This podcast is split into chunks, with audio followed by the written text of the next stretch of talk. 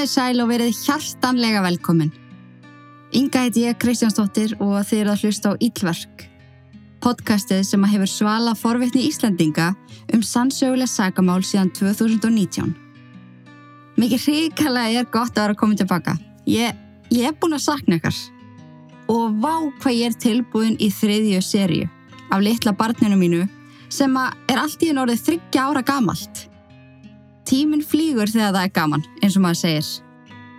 En ég er endur nærða eftir sömafrí með helling af trúkramefni fyrir ykkur í pókahotninu. Mörg mál sem að þið hafi sendt á mig og líka slatta af hennu ímsa gósi sem að ég hef verið að kynna mér í gamnu mínu. Það er nóg til. En annars vona ég að þið séu búin að hafa það gott. Séu svona nokkuð andlega stabíl og almennt hamingisum með lífið. Það er fyrir öllu. En ef að þið eru súr, þá kannski getum við glemt okkur í örlittla stund saman á meðan við hlustum á mál dagsins. Six langtímalega heldur áframinn í hausti að vera kostandi ílverk og ég þakka þeim kærlega fyrir það og mun ég að sjálfsögðu deila með ykkur áhugaverðum fróðuleik um það frábæra fyrirtæki þegar að líður á þáttinn. Ég vil svo að sjálfsögðu minna ykkur á hitt barni mitt, Ítlverk áskrifstaleðina. Þið skráu ykkur í hana inn á ítlverk.is og hún kostar aðeins 950 krónur á mánuði. Við skráningu fáið þið aðgangað yfir 140 læstum áskriftatháttum, 5 ný og fersk máli hverju mánuði og þessa fríu vekulegu án auðlýsinga. Ekkert eðlilega góð dýtla og spyr mig. En það besta við áskriftina, hef ég heyrst, er að hún fer aldrei frí. Sumafrí, jólafrí, iss, hvað er það? Þú fær þinn trú kræmskamt allt árið um kring. Skellt er inn á ítlark.is og skráðu því áskriftina strax í dag. En já, já, eru þið til í fyrsta málið eftir mánaða pásu? Ég sé alltaf fyrir mér þegar ég spyr svona spurninga ég heima hjá okkur bara Já, Inga, við erum ótrúlega til. en ég er allavega tilbúin. Mál Harfi Glattmann, a.k.a. The Glamour Girl Slayer. Gjöru þið svo vel.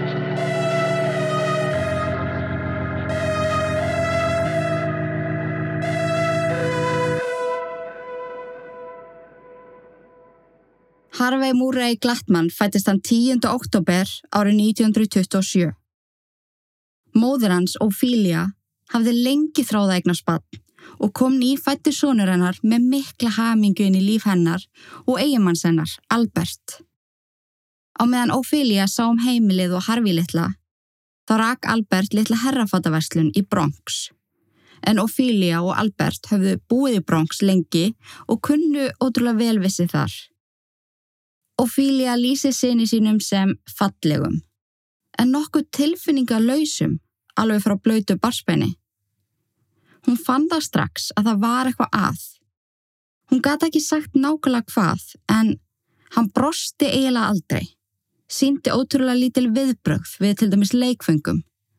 Hann hló ekki þegar að Ophelia gretti sig framann í hann eða reyndi að vera fyndin. En það sem hann hins vegar gerði var að skella upp úr alveg upp úr þurru þegar hann var aðleitt og þegar mammans var alls ekkert að reyna að vera fyndin.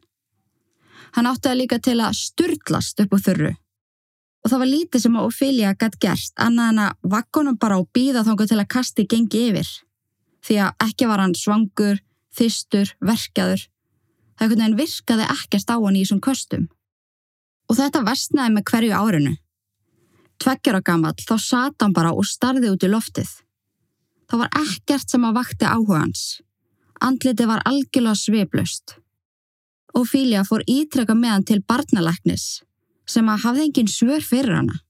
Saði bara börn varu meðsmunandi og hún þurfti bara að fylgjast með hvort þetta lagaðist eða ekki. Albert og Ophelia voru vissulega með miklar áhugjur af sinni sínum en það var svo innilega ekkert með að við áhugjurnar sem að þau fengu nokkur um dögum eftir fjóra ára ammaliðans. En Ophelia hafði sérst ekkert heyrt í honum í smá stund og ákvaða að tekka á hann. Þeir viti hvernig þetta er, en maður heyrir ekkert í börnunum sínum. Þá bara, hm, hvað eru það að gera af sér? Þannig að hún fer svona á og tekka hvað hann er að gera. Og þegar hún opnar hörðina á herbyggin hans, þá blasir við henni mjög undarleg sjón. Harvey stóð nakin fyrir framann fatakomuðuna sína, búin að binda band um tippið á sér, batt svo lausa endan við skúfuna og hallaði sér aftur, svo að tippið hans tókaðist alveg lengst. Og það er ótrúlega skrítið að tala um börn og alls konar svona og þetta verður ótrúlega kynferðislega brenglegar þáttur. Þannig að ef að þið meiki ekki hlusta á svoleiðis uh, kynferðislega áreitni, alls konar svona einmitt, kynferðislega brenglun, þá þið viti allan af því að þessi þáttur er svolítið þannig. En þessi maður er mjög veikur andlega þegar, bara, og er það frá, frá því að hann var lítið barn. En mammans vissi ekki alveg hvað hún átt að segja og gera. Hún lokaði bara hörðinni og bankaði svo til þess að geta gefa honum tækifæra á því að stoppa því sem hann var að gera því að hún vildi ekki að hann er vandraðalegur. Þegar hún kom svo inn þá stóð Harvey með bandið enn bundið um tippið en hafði losað það af komuðinni. Og hún spyr hann bara af hverju varst að gera þetta og hvað varst að gera nákvæmlega? Aðeins fjóru ára gammal þá gata hann voða lítið útskýrt þessa aðtöfn en sagði bara ái að honum væri ílt. Hún útskýri fyrir honum að hann mætti alls ekki gera svona, hann geti meitt sig. Og Fília rætti þetta svo við Albert þegar hann kom heim úr vinnunni og þau ákváðu að gleima þessu atveki og reyna að ofhugsa það ekki. Börn prófa sér áfram, þau eru forvitin. Þetta hefur líklegast bara verið ykkur tilraunastar sem er hjá honum. En þessi atvek heldu áfram að eiga sér stað. Ophelia kom ítrekkað að honum með bandu utan um hálsin eða um teppið. Hún og Albert reyndu að halda rósinni og ræða við hann rólega, eða svona aðalega Ophelia sem að hækkaði aldrei rómin, en Albert var meira svona reyður og vildi refsonum fyrir að haga sig svona. En þau vonuðu samt bæði að þetta væri eitthvað sem að hann myndi þroskast upp úr, sem að var svo sannlega ekki raunin. Því að þessi hegðun hjælt áfram og vestnaði með hverju árunu sér leið. Ofan á þessa förðulegu hegðunans og þessa miklu tilfinningadeyfð var hann stríkt alveg ótrúlega mikið í skóla. 12 óra gammal þá kom hann grátandi heim úr skólanum dælega. Hann var meðal ofsala slæma húð, mikið af bólum og róða og var til dæmis kallaður pizzafjess. Strákanir í skólanum voru alltaf að ljúa upp á hann þegar að koma stelpum. Þá til dæmis drefður sögursögnum um að Harvey var í hrifin af hinni og þessari og stelpunar sem áttu í hlut komu svo og gerðu grína Harvey. Það væri ógæslegt að hann væri hrifin að þeim því að þær myndu aldrei láta sjá sig með svona strák. Og þetta gerðan döð hrættan við stelpur. Stelpur gerðan svo stressaðan. Því sætari sem þær voru, því stressaðari varðan. Hann kom allir upp orði ef að bekkisistur hans yrstu á hann og svitnaði allir. En hann hugsaði samt um stelpunar sem var strítunum þegar hann var heima á kvöldin. Hann leti dreyma um að binda þær niður og káfa á þeim. Út frá þessum hugsunum var þann mjög kynferðislega spentur. Fyrst um sinn leta hann döga að stunda sjálfsfrón á meðan hann hugsaði um stelpunar bundna niður.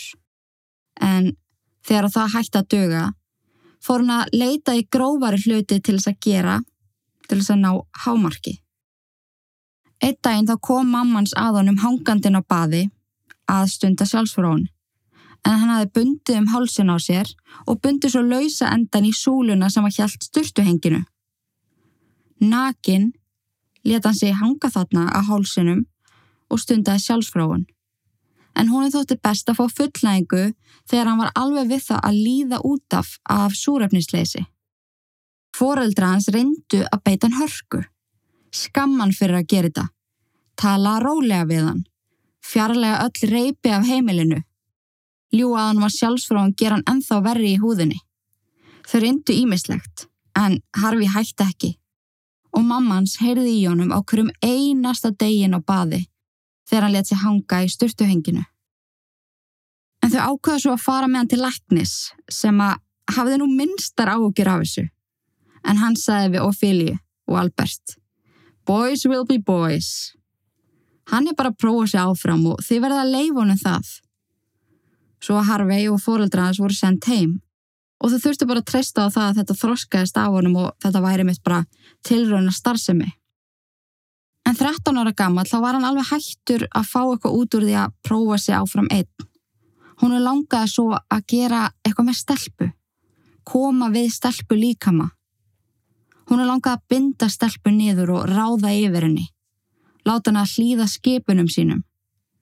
Hann var með þetta gjörsamlega heilanum í marga mánuði.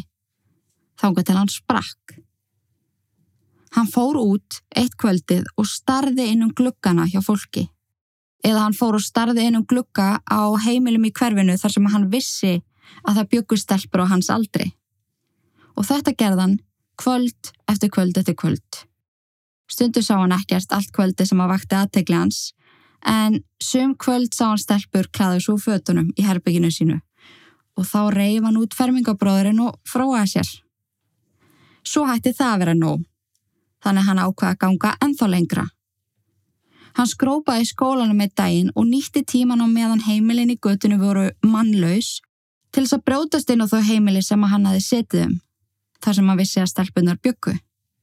Hann stalaði um náttkjólum, nærfötum úr óhrunatauinu og hinnum ymsu stelpufötum sem hann gemdi svo undir rúmunu sínu og fór svo stundum í þegar hann langaði að stunda sjálfsfráun.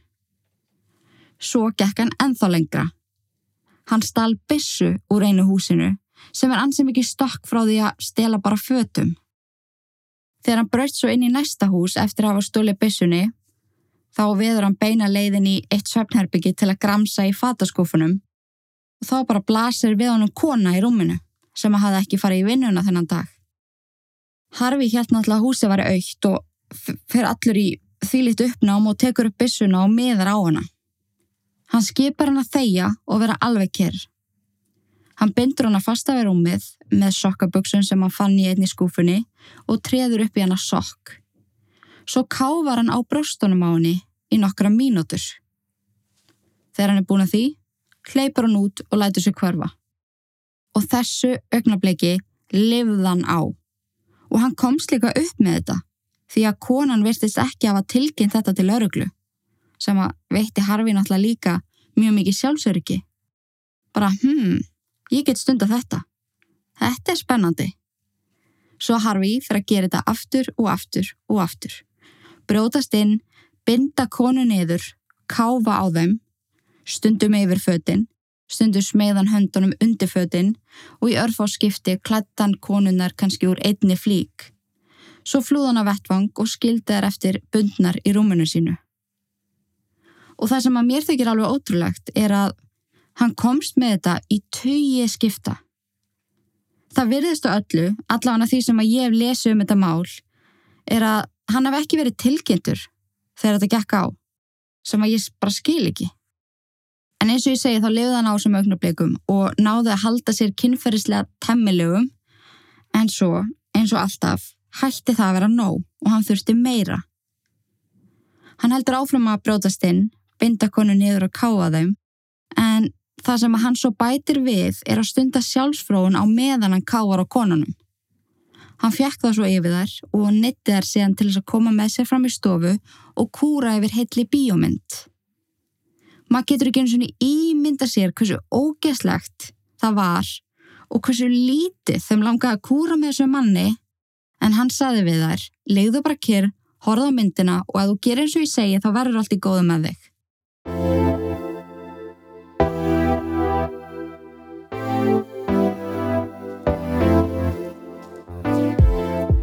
Ég ætla að henda í eitt reikningstæmi fyrir ykkur. En ég bað mannesku sem að ég þekki, sem að er um þetta að selja bílið sinn, að taka saman hvað hún er búin að eigða miklu í bílinn mánalega og svona gróflega síðan hún fjekk hann. Ástafan fyrir því að ég er að taka hennardæmi er því að hún sagði orðrætt við mig í gerð. Sétt hvað ég væri til að ég hefði tekið bílalegu bílinn sem ég var að spá í. Því það er búið að vera mjög dýrst og perrandi að bæði halda upp í bílnum og svo selja hann. En reikningurinn byrja með að hún tekur bílalán. En hún keipti sér árskamlan bíl. Hún átti eitthvað um 900.000 sem hún hendi í útborgun og tók svo lán upp á 4 miljónir. Í hverju mánuði þá greiður hún 68.000 af þessu bílaláni. Svo þurft hún að eiga við bílaumbóðið sem að selja þessa bíla. Þar þurft hún að fara í þjónustu skoðanir og það er dýrst ef það þarf að gera eitthvað. Og ángríns í hverskipti sem var einu sinni ári þá hendt hún í 150 til 200.000 í bílinn í þjónrættuskoðun. Ofan á það fannst henni umbóði glatað og þjónustan ekkit eðlilega ópersonlega og dónaleg. Svo voru það að dekja umgangarnir. Hún þurfti að skipta um rúðu, tvísvar, því það flög steitni í hana. Svo kom ljós í mælaborðið. Það var eitthvað að bremsuklossunum og það kostiði ákveða að fara að láta lesa af tölfunni í bílnum. Hún er lungu búin að eigða hátt í fjóru miljónum bara í þetta vennjulega bílahald. Svo á að selja bíli núna. Hún gerir það ekkit eins og að smyrja brauð. Hún þarf enþá að klára að borga bílalánið og bílinn er búin að falla í verði. Því að það er það sem bílar gera. Þetta er allt saman mjög óhagstætt þótt þetta sé gaman fyrir marga að kaupa bíla. Það er okkur fullt af fólki sem er eitthvað fuff, ég nenni ekki hlusta á sögulýsingu, ég vil eiga gegjaða bíl. Það er geggjað, en sumir eru bara ekkert á þeim stað, þeim vantar bara góðan bíl nenni ekki svona útgjöldum og það er bara staðreind að það sem tengis bílum og eiga bíl er frekar óhagstætt. Svo ef við ræðum langtímalegu í samanbyrði við þetta þá er það eitt verð á mánuði. Og allt þetta dótar í sem ég var að telja upp er innifallið Vantaði dekk? Ok, fá þau frí fá þau bara kaffa með hann Er eitthvað bíla í bílum? Ok, kottu og við skulum laga það fritt. Og þú far annan bíl á meðan hinn er í vikjörð. Elsniti á bílinn og þetta fasta verð á mánuði er það eina sem þú þarfst að spá í. Allt annað er coverað. Og svo skilar þú bara bílnum. Farað annan nýri eða byrjar á hjólræða lífstilum. Bara það sem að henda þér. Ángríns, tjekkað á þessu. Segðu þeim upp í sixta að þú hlustur á ítverk. Þá græði þau eitthvað geggjaðan díl fyrir þig. Sixt langtímalega. Ekkit eðlilega þægilegt.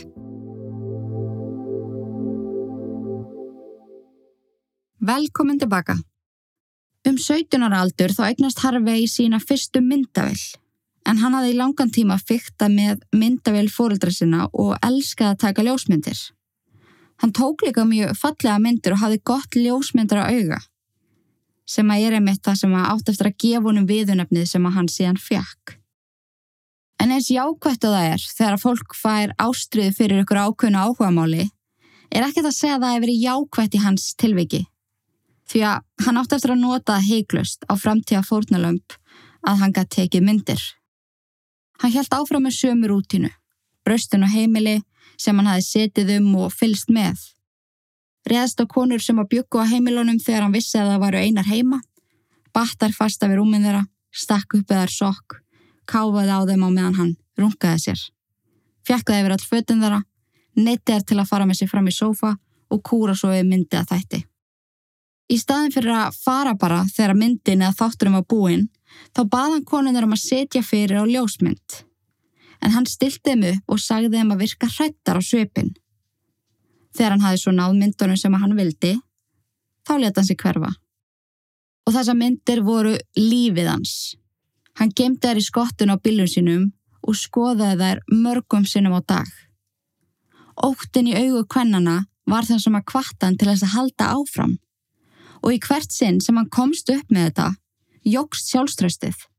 Hann raunverulega hugsaði með sér að hann væri búin að finna sig í lífinu og þetta sé nákvæmlega það sem hann vill vera að gera.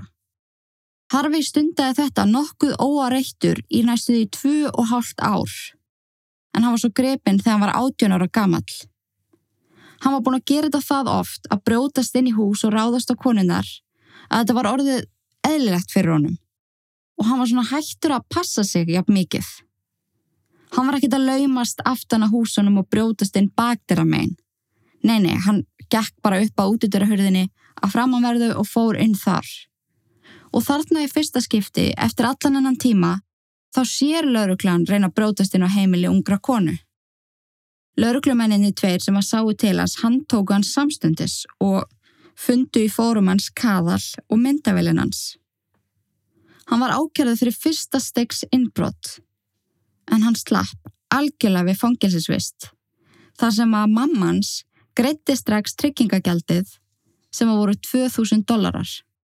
Þannig að þarna í raunni slærun og puttun á honum segir hún að passa sig og svo fekk hann bara halda áfram með sitt líf, frálsferða sinna. Mamma hans vissi ekkert af öllum hinum 50 heimilónum sem hann hefði brótist inn á, Allar hinnar auðmingja konunnar sem að hann hafi áreitt. Hún hjælt og að vísu lauruglan líka að hann hafi verið grepin þarna í sínu fyrsta og eina innbroti sem er svo innilega ekki raunin. Og þetta gerði ekkert annað en að kveiki enn meiri eldmóði Harfi. Húnum fannst hann meistar í að komast undan með engar afleðingar og húnum þysti í að halda áfram.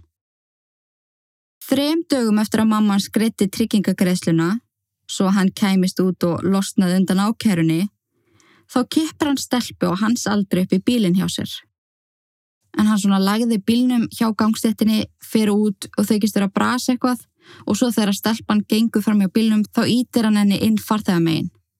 Hótra ef hún haldi ekki kæfti og sé ekki kyrr þá mun hann drepa hana. Og þetta er alveg mjög stórt stökk frá því sem að hann hafi áður gert fórnulömbunni sínum. En kannski fannst honum örugura að fara með konunur á afskættan stað. Kannski stað sem að þær þekkt ekki og skilja þær möguleg eftir eða eitthvað í þáttina. En hann hann að keiri með konuna, eða stelpuna, hún var 16 ára, út í raskat, lengst fyrir utan bæin, þar sem hann snertir hana um allan líkamann á meðan hann stunda sjálfsfróun. Þegar hann hafi svo lokið sér af, þá að vísu kerði hann stelpuna bara heim til sín. En spáði því að hún þurfti að vísa honum til vegar heim til sín eftir þetta ótrúlega skelvilega og ógeðslega atvegg. En hún gerir það og þegar hún sér að hann er farin úr auksín þá fyrir hún beina leið upp á lauruglustöð og segi frá því sem hafi komið fyrir hana. Eftir að fengi ítalega lýsingu á Harfi og bifræðinni fyrir laurugla strax af stað og finnur hann setna þennan sama dag. Það sem að Harfi var á skilárði eftir að hafa bókstæla að losna undan ákæru þrem dögum áður, þá voru hann stungi beint í steinin og mamma skatt ekkert gert til þess að hjálpa honum í þetta skipti.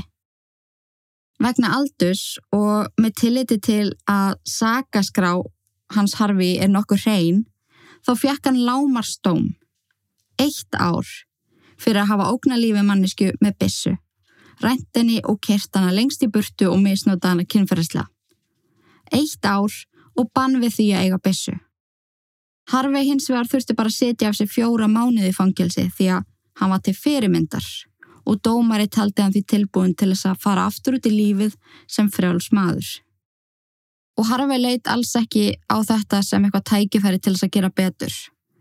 Hætta kannski að fremja glæpi og misnóta konur. Hann fóð miklu frekar að leita leiða til þess að geta haldið þessu áfram. Hann varða eiga bissu svo hann ætti auðveldra með að ná konunum á sitt vald en hann vissi að ef hann bæri alvörubissu og var í grepin far hann beina leið aftur í steinin. Svo til þess að leysa þetta vandamál þá ákveða hann að kaupa sér mjög raunverulega dótabissu. Með því að ganga með hana var hann ekki að bróta neinn lög og hann gætt haldi áfram að ókna konunum og fá þar til þess að gera það sem hann vildi. En fórildra Harfi hafði á þessum tímapunkti flutt frá Bronx til New York Harvey hafði aðsettur í gömlu íbúin í Bronx en hann vildi freka búa í New York hjá fóröldri sínum. Því að sangvatónum var það miklu stærra hunting ground, sérst meira af konum sem hann gæti rænt og misnotað. Hann ekkert neginn lifði lífinu sínu út frá þessari sjúku þráhyggju. En það kemur voðalítið fram um það hvort að hann verið eitthvað að vinna eða menta sig á þessum tíma. Það er eins og hann hafi bara verið í þessu, nær alla daga eftir hann flutti aftur til fóldra sinna, nálgæðast hann í fyrsta skipti tvo einstaklinga í einu. Fyrsta kvöldið hans úti að leita að fórnalambi þó rekst hann á ungt par, þau Thomas og Doris. Það voru fári kring og mikið að dimmum húsasundum. Harfi var orðið mjög sjálfsörökur og nálgast þau og beinir að þeim leikfangabessunni. Hann bandiði má að koma með sér inn í dimmt húsasund þar sem hann bindur hendur Tómas og káfa svo bróstun Doris með bissuna bindaða maganar með hinni hendinni. Tómas nær svo að losa sig úr fjödrónum og stekkur á Harfi sem að teku það upp nýf og stingur Tómas í aukslena. En þarna fer hann langt út fyrir sitt þægindasvið. Bæði með að eiga við tvo einstaklinga í einu og hann hafði aldrei stungin eitt. Svo að Harfi, hann bara hleypur í burtu og lætur sig hverfa skítrættur. Hann ákveður eftir þetta bara, já nei, ég er ekki að fara að gera þetta aftur. Og þá er ég við að nálgast tvo einstaklinga. Það er allt og áhættu samt, allt og hættulegt.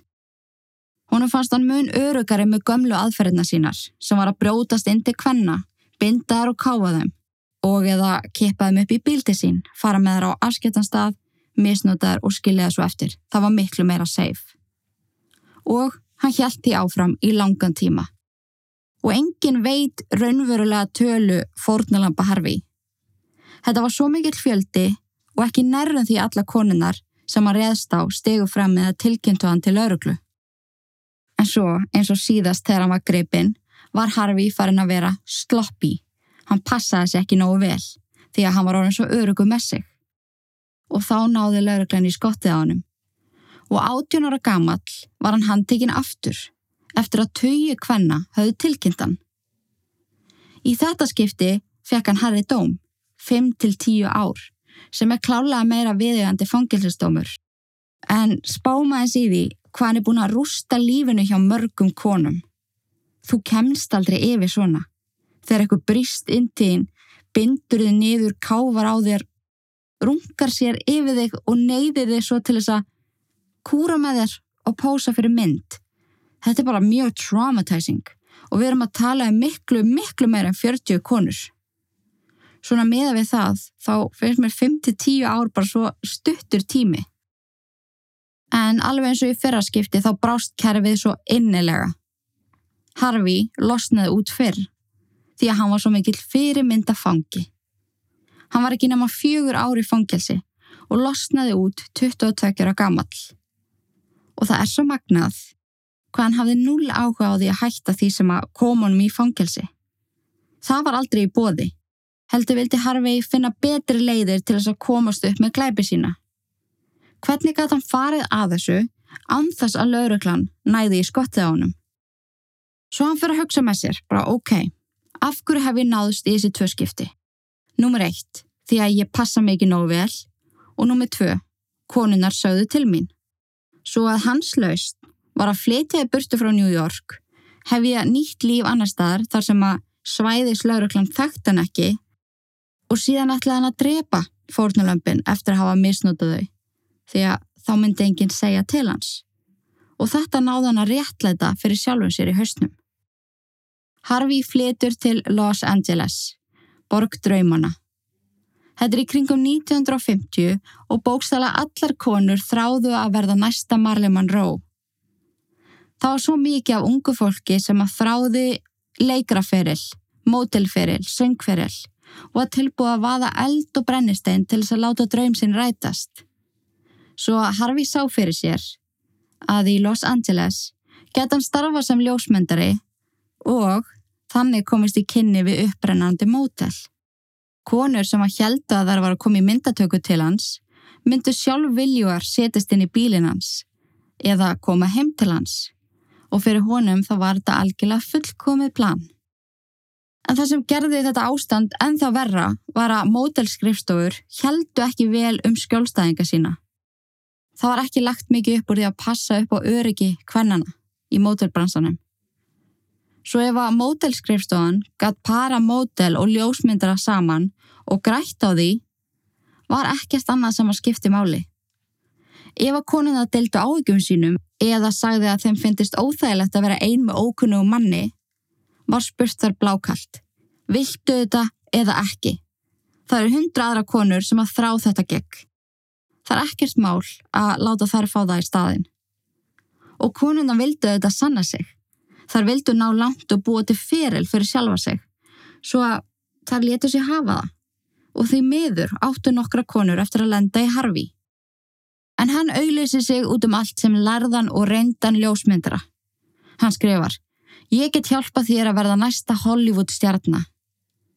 Hann skráði sig líka á ljósmyndralista hjá helling af mótil skrifstofum og svo var það bara að býða eftir fyrsta verkefni sem að kom mjög fljótt. Þann 1. ágúst árið 1957 þá ringir Harvey í hennar 19 ára gamlu Judith Dull en hún var á skrá hjá mótilskrifstofu sem að let Harvey fá númerið hennar. Hún átti mjög erfitt á þeim tíma sem að Harvey hefur samband. Hún var ný fráskilin og var að standa í bara mjög ljótum skilnaði og forraði steilu við barsföðu sinn og fyrir um eigimann. En saman áttu þau 14 mánuða gamlan són. Hún þurfti því allan auka penning fyrir lögfræðikostnað og til þess að halda henni og barninu hennar uppi. Harfi sækir hana og fer með hana í íbúðuna sína. En á leiðinni þá segir hann henni hvernig myndataka ná að vera. Þetta sé samsagt fyrir svona hasar lauruglublað og hún þurfa að vera bundin á höndum og fótum á nokkru myndum. Og þessar myndir eru til og það er svo innilega óþægilegt að skoða þær, vitandi hvað átti eftir að koma fyrir djúti. Harfi stillir hann upp og byðar hann um að virka hrætta svipin.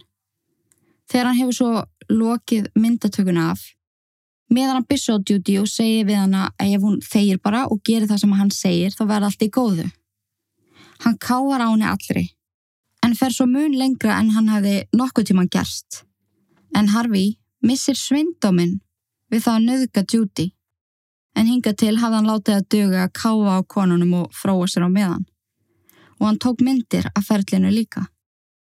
Svo vildi hann að hún settist með hann í sófan. Hann tók utanum hann á kurði með henni yfir heitli mynd. Um klukkan halv ellið um kveldið eftir að hafa gert allt sem honum síndist með Judy saðist hann vera tilbúin til þess að slepp henni. En hann ætlaði að keira með hana út fyrir bæin og skilja hana þar eftir svo að enginn sæja hann með henni. Þegar þau voru svo komin á afskektan stað, þá hleyfti hann djúti út úr bílnum og hryndi henni svo niður á hnén. Hann bætti reypi um hálsin á henni og öklana og þessi binding sem hann gerir kallast þess að að hogtæja. Svo tóða hann í reypið svo að strektist á því um hálsinnar og hjælti þannig þanga til að Judy hætti að anda. Hann gróf svo grunna gröf og rúlaði líki Judy ofan í hana og mókaði yfir. Fólki hennar Judy var mjög áhyggjufullt. Besta vinkona hennar sem að passaði 14 mánuða gamla barnið hafði ekkert heyrst í henni. Fóreldrarnar hafði ekkert heyrst og hún mætti ekki til dómara til þess að ganga frá skilnaðinum. En fólki hennar fekk engin svör fyrir mörgum mörgum mánuðum setna. Harfi hitti svo eina 24 ára gamlu Shirley Bridgeford nokkrun dögum eftir morðu á Duty. Hann hafði svo hitt hana öðrum forsendum en Duty en Harfi hafði sérst líka sett inn auglýsingu í Lonely Hearts dálkin í lokal dagblæðinu. En það var nokkur skonar stefnumóta dálkur. Þú settir inn stutta lýsingu á sjálfuður og lést svo símanum með fylgi með og Harfi les hann lýsingu Shirley og líst vel á. Hann kynnti sér fyrir henni sem George Williams. Hún samþykir að fara á stefnumót með honum og kemur hann daginn eftir og sækir hana. Þau fara saman út að borða, fara svo út í bíl og spjall út í bíl í smá stund og fara svo að kissast og það hittnar alveg verulega í kolonum. En þarna hafði Harfi í alverðinni getað kynst stelpa og venjulegan hátt sem að fannst hann greinlega aðlæðandi og áhugaverður. En það var ekki nóg. Hann var alls ekki það sem hann vildi. Hann óg með Shirley að Ansa Borrego Desert State Park í Los Angeles. Hann beindi þar bissun að henni og skipaði henni að fara úr öllum fötunum. Hann auðgaði henni ítrekkað, áður en hann sparkaði henni út úr bílnum. Hann batt svo hendur hennar, fætur og fyrir munnin á henni, stilt henni upp og tók af henni ljósmyndir. Þegar hann hafiði tekið myndir af henni í svo litla stund, var árið allt og dimt úti og vasuljósið hans var brotið sem hann notaði til þess að halda áfram að taka myndir í myrkri. En hann let þetta ekki stoppa sig. Heldur leta hann Shirley liggja í jörðinni í næstu fjóra klukkutíma þangu til að sólinn kom aftur upp svo hann geti haldið áfram að taka henni myndir. Þegar hann hafi svo fengið það sem hann vildi, vafði hann kælið þjættum hálsina á henni og tókaði þar til að Shirley lést. Hann stilti þá líkamænar upp í alls konar stellingar og tók enn fleiri myndir. Áður hann skildan eftir fyrir dýrin í eigðimörkina að geta. Shirley skildi eftir tvö ung börn og stóra fjölskyldu sem að leituðu að henni daglega í marga mánuði. Í júli árið 1958, þegar Harvey var 28 ára gamall, þá rakst hann á auðlýsingu Ruth Mercado í dagblæðinu en hún óskaði eftir greittu mótel starfi. Harfi hafði samband við hana og þau ákvaða hittast daginn eftir. Ruth mætti sömu örlugum og Judy og Shirley. og losaði Harvey sig við líkennar mjög skamt frá líki Shirley. 27. júli, þrem dögum eftir að Ruth fór að hitti Harvey, fór að finnast mikill fnikur úr íbúðin hennar. Eldri maður sem að sá um viðhald í blokkinni sem að Ruth bjói fann lyktina og opnaði inn til hennar. Þar sem að það hafði enginn komið til dyra í marga daga. En þar voru gæludýrin hennar, nær dauða en lífi úr svengt og þosta. Ruth hafði grönlega aldrei skilað sér aftur heim. Eldri maðurinn hafði hitt Ruth áður en hún kvarf og hún sagðist að fengi mótilgegg, en hann hafði ekkert séðana eða hirt frá henni síðan þá. Hann ákveður að ringa í laurugluna og segja frá öllu sem hann vissi. Það gæti verið að hún hefði farið á hitt ljósmyndar og aldrei komið aftur heim eftir það. En það er allavega eitt sem víst er og það er að hún myndi aldrei skilja dýrin sín svona eftir. Það hlýtur eitthvað að hafa komið fyrir hana. Harvey er svo kókraustur og svo innilega í essinu sínu að hann getur ekki stoppað. Og aðeins viku eftir morði á Ruth voru Harvey sem var þekktur á módelskrifstofum sem Frank Johnson og hinn 20 ára gamla Lorraine Vigil tengt saman. En hann ætlaði sérst að sækja hana heim til hennar klukkan 8, fara með hann á stæðsanningu sem hann hafði í huga og skuttlinni svo aftur heim. Yfirmaður hennar á módelskrifstofinni sagði mér sér við hana Æ, ég passaði á honum. Hann er þekktur fyrir að vera svona hálfperralegur og ófagmannlegur. Þú, þú fer að vallega. Báðið í því að eitthvað sé mér slíkt orðspor á sér en samt séu konur sendar einar með honum bara á ykkur á staðsendingu. Þetta er svo að þetta er fáralegt að öryggi var bara bóstala ekkert.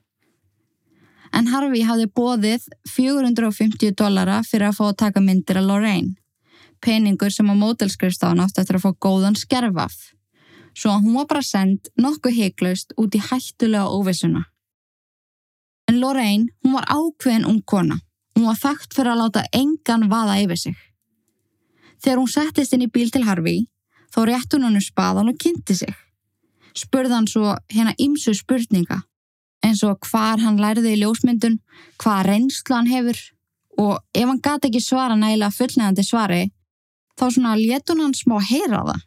Að það væri nú ekki fagmælegt að geta ekki svara spurningum skjólstæðinga. En Harfi segi sjálfur, setna meir, að hún hafi farið virkilega í tögurnar á hann. Hann kallaði hana a bitch. Og af því að hún fór svona í tögurnar á hann, þá líðum hann ennþá betur með hvernig málin áttu eftir að fara þeirra á milli. En Lorraine hún fyrir að spyrja út í staðsyninguna og orðrómana um að hann væri perri lélugu ljósmyndri sem að tæki bara strippmyndir af konum.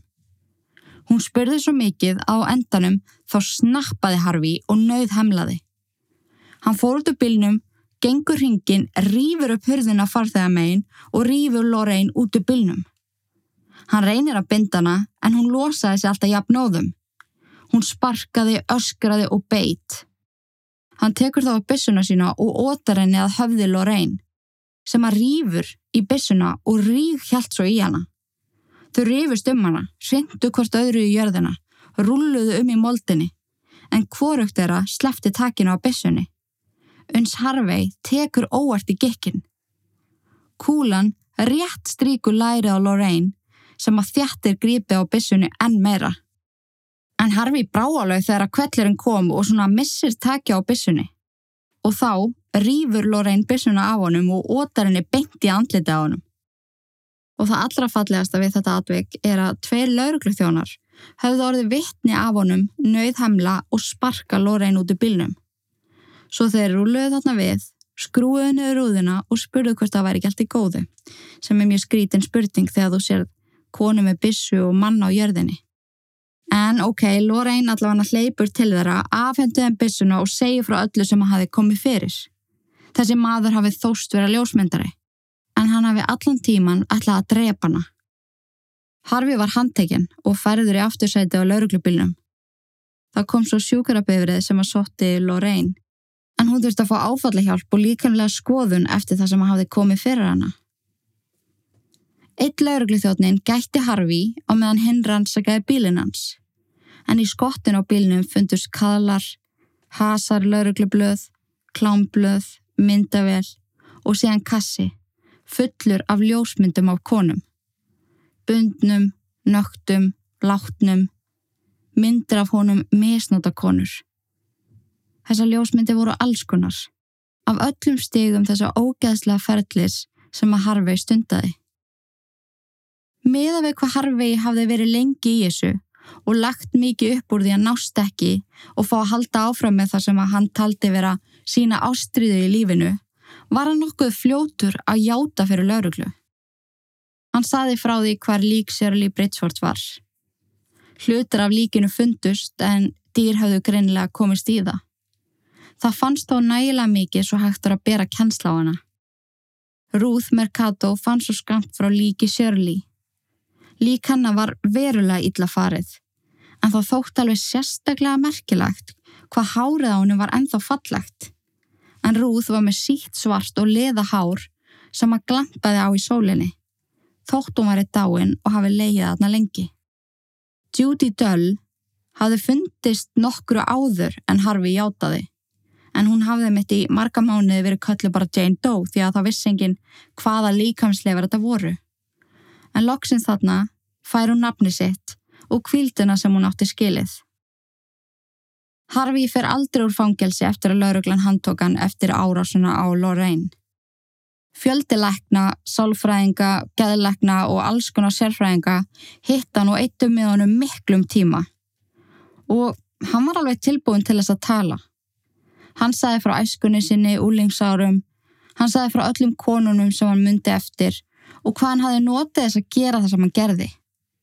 Hann sá ekki eftir því og vildi óska þess að geta haldið þessu áfram. Þann 15. desember árið 1958 var Harvey Glattmann, The Glamour Girl Slayer, dæmdur til dauða fyrir morði á Shirley, Ruth og Judy. Hann eitti restina af lífi sínu í San Quentin fangelsinu sem er staðsett rétt fyrir utan Los Angeles. Rúmu ári síðar, eða þann 18. september árið 1959, fór dauðarafsingin fram. Það síðasta sem minn 31 áskamli Harvey sagði, áður en hann stegin í gaskljáan var I only want to die.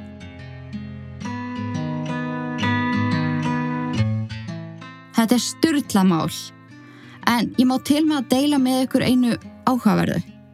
En þið muni eftir BTK, mál Dennis Reiter, sem að ég tók fyrir, fyrir svona hundra árum. En Harvey Glattmann var ædolið hans BTK. En stuttu eftir Harvey fyrir fangelsi þá byrsti tímaritið Detective sem er einmitt svona hasar lauruglublað sem að þeir báðir heldur mjög mikið upp á en þeir sérst byrsta stóra mynd af Harvey og fórnalömpum hans á forsíðu blaðsins sem er ekkit eðlilega taktlaust en á forsíðinni stendur einnig The Sex-Crazed Photographer and His Graveyard of Motels En þetta tiltekna blað er það sem að kvekti áhuga BDK. Þetta var svona hans biblía og guideline. En þið munið að hann batt sjálfa sig upp í alls konar stellingum og var með bindingar á heilanum. Vá, það er alveg spurning hvort við ættum að taka svona BDK rítu. Það er alveg svo ótrúlega langt síðan. Það er bara með fyrstu málunum sem ég tók fyrir í ytverkminu mig. En það er allavega styrlað að sjá og heyra hvað Harfi hafði mikil áhrif á lífans og þessi taktlösa forsíða. En ég held að við segjum þetta gott í dag. Ég er ekkit eðlilega glöð með að vera mætt aftur til starfa og ég vil bara þakka ykkur kærlega fyrir að hlusta. Takk fyrir að vera til og í Guðanabænum forðist öll lítverk. Nefn á þetta podcast. Verið sæl. Haugur, take it away.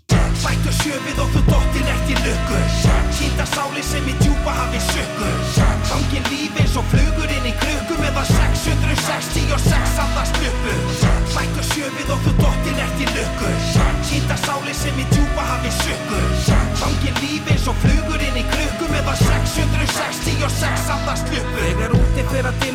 dimm og frostin ístir inn að beini Engin engil sem að veiti verði í eðulögðum heimi Sem að lagðist í eði með heift og sakleysingjar týndu lífum. Verkin ítlu sem að fólki sá í sínu sínum Hversu margir hræðast drauga? Hversu margir hræðast að að horfi í augu dauðas augu taka mann á taugum eins og andar sem að herja mann. Hvaði voru á himnum fyndu engil til að verja mann. Hjartaslæri svo það sé með djöfulinn á hælunum Refur á móti hænunum, úlfur með sögða gæru Ílska reykar í bænum og lömpi þakma þórað ekki að vanda Allt og marga sálir sem að tilbyðja fjanda. Hamingja krasar eins og skip sem strandar anda Dráttur milli handa hættir að vanda Þegar að þreyttir að hálsi. Þegar ótti tekur yfir missa sakri syngjar máli Sálum henda bálið eins og nortni galdra fári. Bættu sjöfið og þú dottir ert í lukku.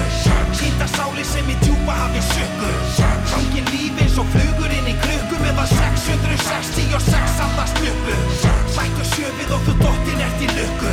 Sýnda sáli sem í djúpa hafi sökku Hangin líf eins og flugur inn í krukku Meðan 666 andast luppu Er það reyði sem að geri megin Skeppnuskapur eins og grimmir hundar sem að naga bein Eins og rifur inn í hænsna kofa hænur sofa svefninum langa þegar að andar koma.